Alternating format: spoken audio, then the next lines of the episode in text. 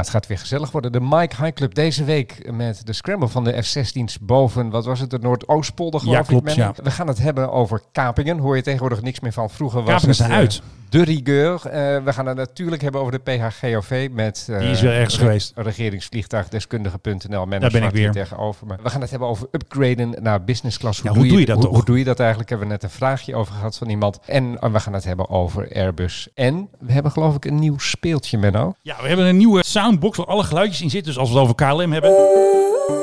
Natuurlijk Gerrit Joling. Nou nog met een rotgang dat Air France eruit tieven. En we houden van vliegen. Vliegen is zo fijn. Dus we hebben een heleboel geluidjes. Ik moet nog even wennen. Dus ik zou zeggen, we gaan beginnen. Maar dan ga ik, met grote vrees. ik ga Ja, nu kijken of ik het goede knopje kan vinden. Dat is al gelijk het verkeerde knopje. Je had juist. Kijk, dat is het begin, Philip. Fasten your seatbelts. Je luistert naar de Mike High Club. Ja, want dat was behoorlijk schrikken deze week. De F-16's van vliegbasis Leeuwarden moesten ineens eh, de lucht kiezen om eh, ja, Ja. ons te verdedigen tegen wat eigenlijk? Ja, nou, er was dus een vliegtuig eh, in de lucht en die had niet gereageerd op de luchtverkeersleiding. En wat doe je dan? Ja, dan ga je ingrijpen. Dus dan is het red alert. En dan gaan de toestellen de lucht in. Het was een, een toestel van Tirol Air Ambulance. Oh, die, had- ken ik wel. Ja, die ken jij die wel. die gipsvluchtjes altijd. al de. Ik weet niet of ze een patiënt aan boord hadden. Dat toestel reageerde niet. En toen gingen de F-16 de lucht in om ze te onderscheppen. Dit is een beetje post 9-11 eigenlijk. hè? Ja, zeker. En wij hebben een deal met de Belgen. Dus wij houden het luchtruim van België, Nederland en Luxemburg in de gaten. Als er bijvoorbeeld een Russische bommenwerper niet reageert of als die zomaar eh, rare dingen gaat doen, dan eh, stijgt de F-16's op. Twee jaar geleden, 2018, gebeurde dat eh, met een Russische Bear bommenwerper. Die ging een beetje moeilijk doen boven de Noordzee. En toen gingen de Belgen even kijken. En dat heet een QRA, Quick Reaction Alert. Toestellen zijn altijd klaar. Die moeten geloof ik binnen vijf minuten moeten ze de, Ja. de lucht in, in kunnen gaan. En even voor de duidelijkheid, dit was niet die F-16's die, die zijn gezien boven Rotterdam en Den Haag. Nee, daar was ook nog wat gedoe over. En dan krijg je altijd weer die lokale krantjes die gaan erover schrijven. Zetten ze er een foto bij van een F-15. Ja, dat weten zij veel. Ja, prachtig. Nee, maar, Niks maar, dit- maar dit waren niet dezelfde vliegtuigen. Nee, het waren niet dezelfde. Ze hadden wel een geluk. Ze konden meteen een oefenvlucht eh, doen.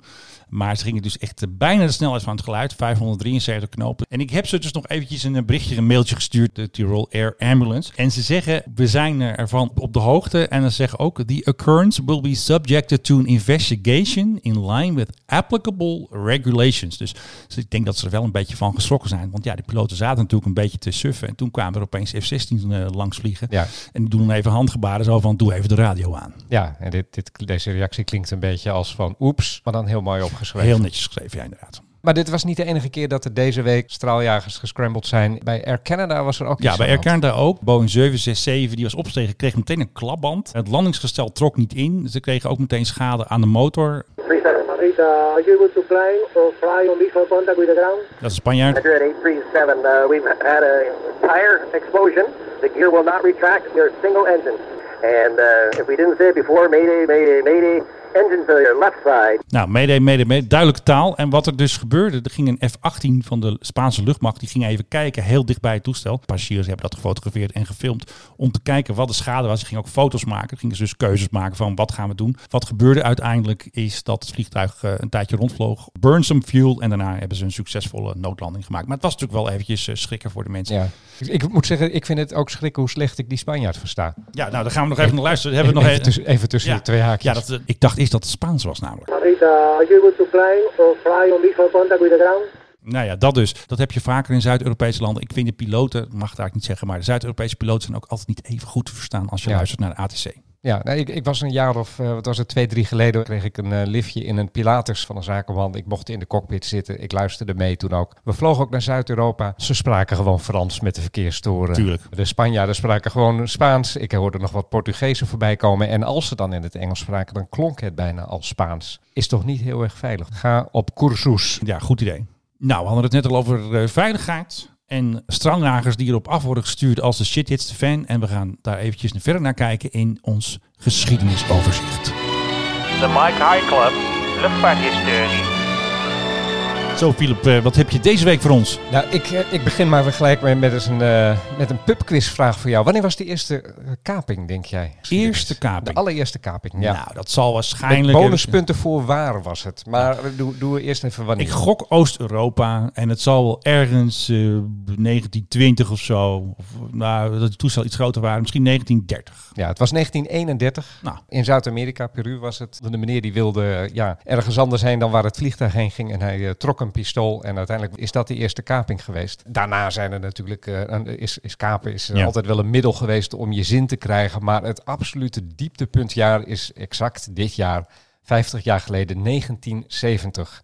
A man with a gun forced a girl into the cockpit, asked the captain to go to Damascus. And to show that he was not joking and he had a gun, he just fired at the galley. Alleen al de eerste twee weken van januari. Op 1, 4, 6, 7, 8 en 9 januari waren er toen kapingen. En dat ging de rest van het jaar zo door. Het was ineens werd het een soort epidemie. Alleen al 17 toestellen die van allerlei hoeken in de wereld naar Havana zijn gevlogen. Het zal wel druk zijn geweest daar in Cuba, want iedereen die wilde natuurlijk Ze wilden naar, geen sigaar halen, denk ik. eh. naar het communistische paradijs. Het was een waanzinnig jaar met natuurlijk ook een heleboel Palestijnen die toen Ja. dachten van als wij nou eindelijk die staten eens een keer willen hebben, dan zal dat door kapingen moeten gebeuren. Our demands and conditions are very clear. The release of Comrade Layla Khalid and the martyr's body, and their arrival to a safe place in exchange for the British hostages. En uiteindelijk heeft Richard Nixon, Tricky Dick, wie kent hem niet, die heeft als eerste gezegd van misschien moeten we de luchtvaarters wat beter gaan Ja, beveiligen. goed idee, eh, Dick. Ja, want er waren verschillende kapingen natuurlijk. Ook in Amerika. Een heleboel mensen die dan inderdaad naar Cuba toe wilden. En toen heeft eh, hij op 11 september, well, what's in the date, Die datum kennen we heeft, wel, hij, ja. heeft hij besloten dat de gewapende veiligheidsagenten mee mochten gaan op vliegtuigen. Zo. Mochten gaan, moesten gaan. En uiteindelijk heeft dat eh, nog dat jaar geleid tot de eerste schietpartij aan boord van een vliegtuig. Nou, dat ging meteen al mis dus. Nou ja, niet helemaal, want de kaper is daarbij in zijn maag geschoten en kon uiteindelijk worden gearresteerd. Eh, en die schietpartij was, dat was overigens niet zo'n veiligheidsagent, dat was iemand van Brinks, hè, de, de bekende waardetransporter. Die was mee met een vliegtuig omdat daar waardevolle spullen in zaten. En die heeft toen de kaper in zijn maag geschoten. Piloot is geland en uiteindelijk heeft, eh, hebben ze hem kunnen arresteren. En later in dat decennium is het al maar strenger geworden met eh, de mensen die aan boord mochten. Maar ik heb zelf tot in de jaren tachtig meegemaakt dat ik in Amerika totaal geen security zag, nooit mijn paspoort heb laten zien voordat ik aan boord van een vliegtuig ging. Dus het was ook niet zo gek dat uiteindelijk in eh, 2001 op 11 september het zo makkelijk was om eh, een aantal toestellen te kapen en daar de meest verschrikkelijke dingen mee te doen. De Amerikanen dachten altijd eerst, terrorism is in Europe. Ik bedoel, ze voelden zich altijd veilig, toch? Ja, maar dat is onzin. Als je alleen al kijkt hoeveel er in 1970, dat ene jaar, 50 jaar geleden, is gekaapt in Amerika. En al die mensen die wilden overal eh, allemaal naar, Cuba toe. Dat was, eh, ja, iedereen die zag zichzelf er al met een parasolletje op een drankje aan het strand zitten waarschijnlijk. En in Amerika werd er ook heel veel sneller geschoten. Mensen waren natuurlijk daar hun wapen gewend. Dus er werd ook gewoon aan boord van toestellen geschoten. Dus uh, Europees probleem? I don't think so. Nee. En ik vond die beelden wel heftig. Want ik heb net doe ik eventjes zitten kijken. In 1970 hebben ze gewoon complete vliegtuigen opgeplaatst. Ja. Dat de reizigers moesten rennen op de startbaan. Dat kun je je toch niet meer voorstellen eigenlijk. Ja, ja de, met name in het Midden-Oosten. Damascus, dat was ook, en Beirut, dat waren ook van die plekken.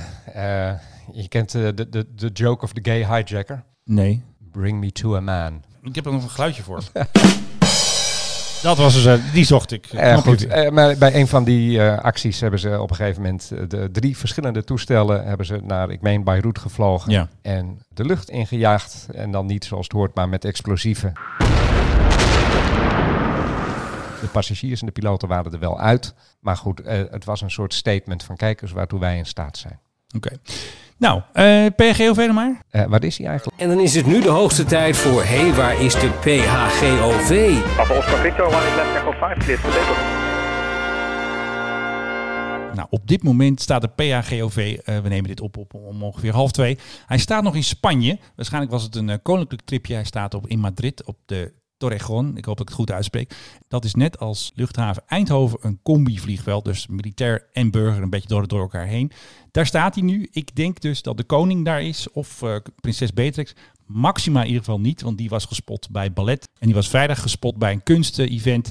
Dus eh, die eh, zal het niet zijn. Maar het is waarschijnlijk een koninklijke Maar tripje. er is, er is geen minister waarvan jij weet nee, die op het nee, geen minister, geen eh, staatssecretaris, geen officiële vlucht. Nou word ik wel een beetje nieuwsgierig eigenlijk. Wat is Willem-Alexander dan in Madrid? Ja, nou doen? goed, ze hebben natuurlijk goede banden. Ze gaan vaker naar Torrejon. Ik heb vaker vluchten gezien van de PHGOV dat die niet in de boeken stonden, zeg maar. Dat ook de koninklijke familie was. Dus waarschijnlijk eventjes eh, 48 uur naar Madrid. Eventjes de goede vrienden opzoeken. En misschien is het wel prinses Beatrix die eventjes bij Juan Carlos langs gaat. Je weet het niet. Ja, maar dat zijn natuurlijk vaker vliegvelden waar ze vaker komen met die Ja. PHGOV. Zeker. eh Friedrichshaven voor Ja. tripje naar Leg. Daar gaan ze Raf- straks weer heen trouwens. Raf Nordholt voor eh, vluchten naar Londen bijvoorbeeld. en ik weet dat hij ook nog wel eens naar Osnabrück wil vliegen, want daar heeft Beatrix geloof ik een schoonzus zitten. Daar is Zus van voor- Klaus. Ja, daar is het vorige toestel wel eens gespot. Straks gaan ze natuurlijk weer eh, skiën in leg.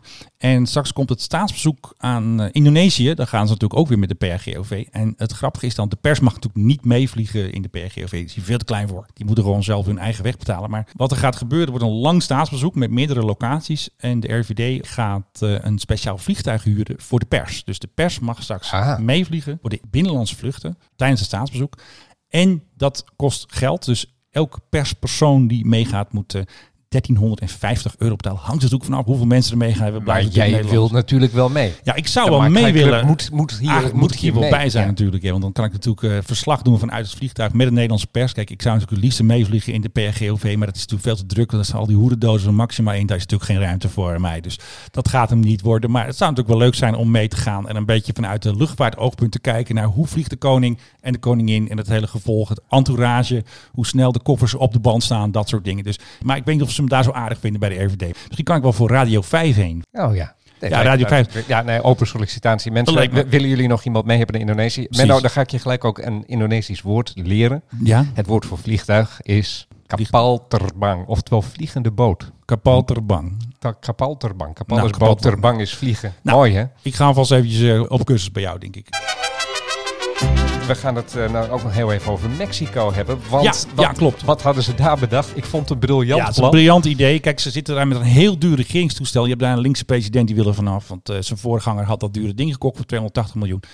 Dan hadden ze bedacht, we doen een loterij voor alle Mexicanen. En de hoofdprijs, het vliegtuig. Een fantastische Boeing 787 Dreamliner. De presidentiële Dreamliner. Nou, wie wil die nou niet hebben? En mensen dachten echt dat ze daarvoor een loterijticket konden houden. Dus de Mexicaanse Gaston, die was daar al een beetje in stelling gebracht. Maar goedenavond, zei hij ook. Ik weet wat het is in het Spaans, weet jij misschien. Eh, Buenas tardes, denk ik dat hij zei. Buenos noches. Ja. Buenos noches. Ik kan het niet zo goed nadoen. Maar het bleek toch allemaal weer even anders te zijn. Er is wel een loterij, maar je kan een geldbedrag winnen. Helaas kun je niet eindigen met een eh, hele mooie 787. Nou, maar je zal hem maar winnen als een beetje eh, ja, middeninkomen figuur in Mexico. De, de- alleen al het, de, Het de- de- idee al is al De rekening voor het parkeren is eh, je jaarsalaris waarschijnlijk. Ik denk de rekening moet dan betaald worden door het hele dorpje. Ja, maar het gaat dus niet door, helaas. Als ik dit doe, wat zeg jij dan? Dan zeg ik, je hebt net mijn oren er bijna afgeknald via de koptelefoon. Nou, maar dit is, dit, rustiger, is, James Bond. dit is James Bond natuurlijk. Ja, kan niet missen. En James Bond die heeft dus weer een nieuwe trailer. Want in Amerika had je afgelopen zondag had je de Super Bowl. En hebben Ja. ze natuurlijk voor al die dure reclameblokken, daar betaal je helemaal schil voor. Hadden ze natuurlijk weer even de nieuwe spotjes gedaan. En hier kun je dus horen hoe James met waarschijnlijk zijn eh, nou, collega, een vrouwelijke agent, zitten ze in een soort Hercules-achtig transporttoestel. Dan springen ze eruit met een kleiner toestel. En dan zegt James dus zoiets van, eh, heb je hier wel eens vaker in gevlogen? En dan start je ook wel eens het verkeerde muziekje in. Oké, eh, James vraagt dus, eh, zeg, eh, nu je hier toch bent, heb je er wel eens vaker in gevlogen? You ever flown one of these things before? Nope.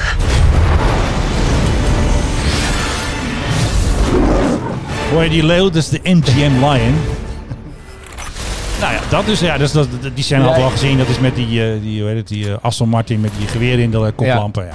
Nou ja, dat dus. Klassieke Bond weer eigenlijk, hè? Ja, absoluut. Dus ik vind het heel erg spannend. In april komt hij geloof ik uit, dus daar gaan wij natuurlijk heen. Ik heb trouwens het toestel even gezien in dat filmpje. Het is mij volstrekt onduidelijk wat het is eigenlijk. Q Special wordt het ook wel weer genoemd. Hè? Iets dat ze daar bedenken in dat kantoor van die leuke Q. Oké, hey, en ons vaste straaljagergeluidje is natuurlijk deze. Want er is ook een nieuwe trailer van Top Gun. Tom Cruise, die zit in een F-18 Super Hornet. Ook waarschijnlijk in dat geheime vliegtuig die eh, bijna de ruimte in kan, de SR-72. Je hoort vooral een hijgende Tom Cruise.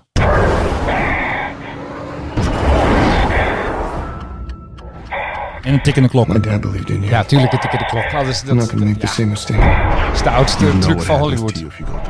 Want de, het- de tijd dringt, hè. Uiteraard. Ja, nee, dat is Had altijd... het ook wel admiraal kunnen zijn, Tom. Ja. Maar, eh, nou ja, goed, En wanneer gaat al dit eh, schoons in onze bioscopen komen? Volgens mij gaat Top Gun Maverick gaat in Nederland in juli in première. In Amerika eind juni. Het wordt een druk jaar voor de luchtvaart in de speelfilm. We gaan het eh, even over upgraden hebben. Oh, wat prachtig. Want ik Ja. weet het nog goed. Ik mocht upgraden. Ja, Zomaar, wanneer, wanneer, was dat? Nou, het is heel lang geleden. Ik mocht voor shownieuws mocht ik zo'n filmster interviewen in Los Angeles. Dus dat was natuurlijk al een beetje een snoepreisje. Ik kwam daar aanlopen. Welke, eh, wacht even, nou wil ik man en paard. Welke filmster? Ik weet niet meer welke. Ik heb er namelijk diverse geïnterviewd. Ja, ik heb zelf Jennifer Lopez. Ja, dit is niet name dropping. Dit is echt zo. Ik heb zelf Jennifer Lopez geïnterviewd. Ik weet niet of het eh, Jennifer Lopez Kerel eh, toch? Ja. of dat het eh, Julia Roberts was. Anyway, ik kwam aanlopen bij de gate en ik vroeg, ik was niet aan het bedelen, ik ging niemand omkopen. En een KLM meneer zei, ik ga jou upgraden. En toen mocht ik eh, zomaar in de business class. En dat was eh, best geriefelijk. Ook Ja. 20 jaar geleden of 15 jaar geleden was dat natuurlijk ook wel erg leuk. Maar wisten ze dat jij eh, een grote ster ging interviewen? Of was dit eh, gewoon Nee, dat wist niet. Dat was gewoon puur toeval. En ik heb er niet om gevraagd. Ik was eigenlijk meer verbaasd dat ik geüpgrade werd. Ik Ja. dacht gewoon, ik moet gewoon eh, 11 uur naar Los Angeles in de economy zitten. Maar eh, dat was dus even wat geriefelijker dan ik me had voorgesteld. Ja, nee, we- ik begin erover omdat we hebben net een vraag erover gehad van een, van een luisteraar die zegt: Ik wil wel eens een keer upgraden. Hoe, hoe, hoe pak ik dat eigenlijk aan? Nou ja, goed, Ja. Je, je kan dus naar Los Angeles vliegen om Julia Roberts te interviewen. Dan gebeurt het. Je, je moet er eigenlijk gewoon voor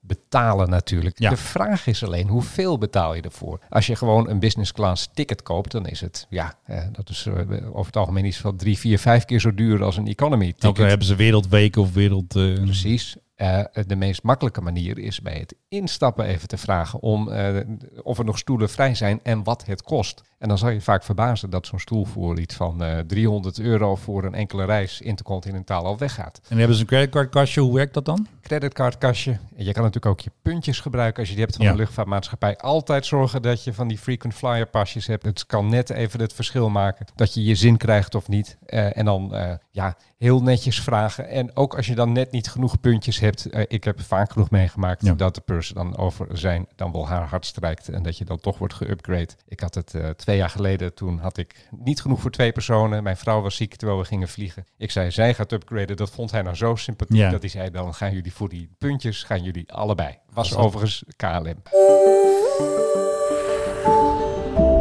En wat je dus vooral nooit moet doen, is gaan zeuren bij mensen. Dat helpt Als niet, ik nou één ding heb gehoord van, eh van, van cabinebemanningen, dan zijn het van die mensen die eindeloos blijven zeiken erover. Je vraagt het één keer. Een, eh, een grote zak drop meenemen, heb ik wel eens begrepen, helpt ook nog wel. En dan gewoon er heel eerlijk over Bij zijn. dat KLM je- niet zeker, of wel? Nee, juist bij KLM drop. Oh. Ik bedoel, hè, Nederlandse bemanningen. En, en dan gewoon heel eerlijk erover zijn dat je de boel ongelooflijk aan het omkopen bent. En dan zeggen van, hier, een zak drop voor jou. Heb jij dan voor mij eh, Stroopwafels. Zo'n lekkere, zo'n zo'n lekkere stoel die helemaal, eh, vol- helemaal onderuit kan. Oké, dus je kan gewoon de stewardess omkopen. Eh, ik heb het eh, meegemaakt. Het Aviation bribery.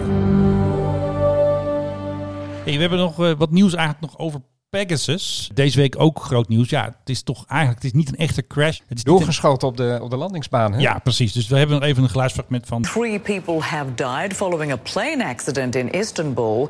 Video released by a Turkish news agency shows the plane skidding off a runway. Turkish officials say the plane continued some 60 meters, almost 200 feet after landing, before careening into a ditch and then breaking apart. Ja, Breaking Apart. En wat ook bijzonder was, ik had het ook gehoord, maar RTL had het als eerste bevestigd. De co-piloot was een Nederlander. En dan gaat alles via buitenlandse zaken. Het consulaat heeft alleen maar gezegd dat hij in het ziekenhuis ligt en dat ze het contact houden met de familie. Er is niet gezegd wat de aard is van zijn verwondingen, want bijna iedereen in het toestel was ook gewond. En zoals die mevrouw net zei, er waren ook drie doden. Maar jij hebt wel eens met Pegasus gevlogen, Ik heb, eh, ja, eh, wat was het, van Izmir naar Amsterdam geloof ik. Eh, ja, op zich een prima maatschappij. Echt zo'n zo'n zo'n prijsvechter. Dus je moet voor alles betalen. En ja, het is ook niet echt heel erg luxe of zoiets dergelijks. Maar voor zo'n voor zo'n kort vluchtje, ja, wie, wie Ja. kan het wat schelen? Het viel me wel heel erg op. Ja, er staat nogal wat druk op die vluchten. De hele korte omkeertijd. Er wordt, je wordt echt naar binnen gestampt en er weer uitgejaagd. Omdat ze heel snel weer willen omkeren richting, eh,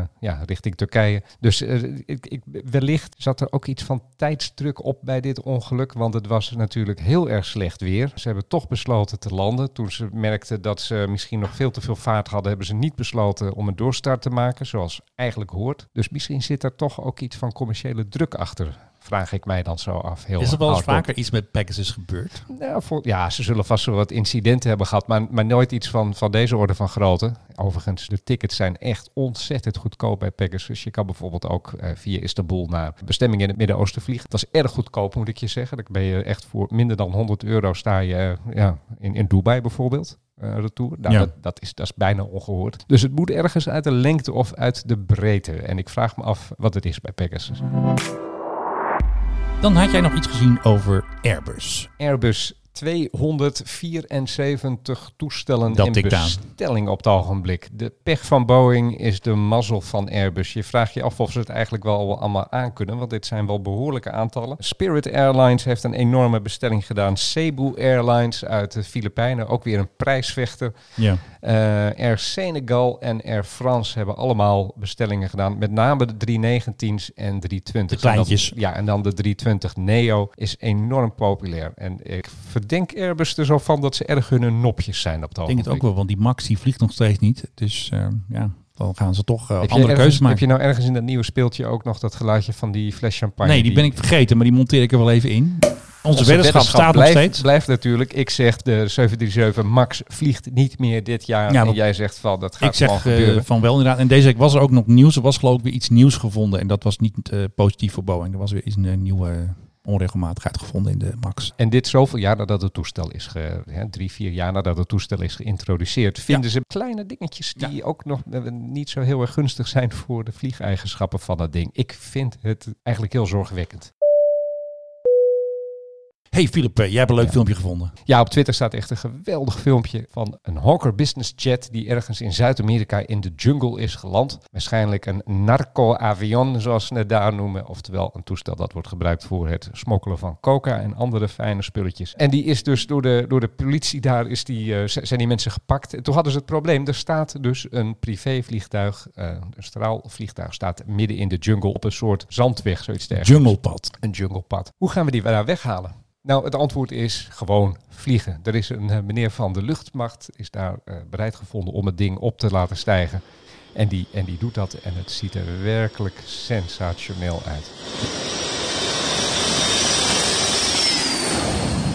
We kunnen er wel een keer een hele podcast over doen. Over gekke plekken waar vliegtuigen zijn geland. Ja, En opstijgen. En, en er zijn natuurlijk legio luchthavens, Courchevel in Frankrijk. Je hebt er zo'n ding in Nepal waar, ja, waar je eigenlijk helemaal niet heen zou moeten vliegen. Maar daar ligt dan gewoon een vliegveld. En eh, ja, daar vliegen mensen dan ook gewoon tegen een berg op. Maar dan ligt daar Ja. wel tegen die berg op gewoon een landingsbaan. Precies, maar ik heb, en ik heb ook een filmpje gezien, niet geheel toevallig, van een 737 die gewoon op het ijs landt. Het kan gewoon. Ja, op mijn bucketlist staat altijd nog die vlucht van Glasgow naar dat kleine Schotse eilandje waar ze op het strand landen. Dat is gewoon een, een lijnvlucht. Die kun Dus je niet boeken. Isle of Man is dat. Nee, nee, nee. eh, de naam van het eiland is me heel even ontschoten. Het is een van de hybriden. En eh, daar hebben ze geen landingsbaan. Maar daar hebben ze wel een prachtig strand. En als het app is, ja, dan is het zand gewoon hard genoeg om in een klein toestel op te landen.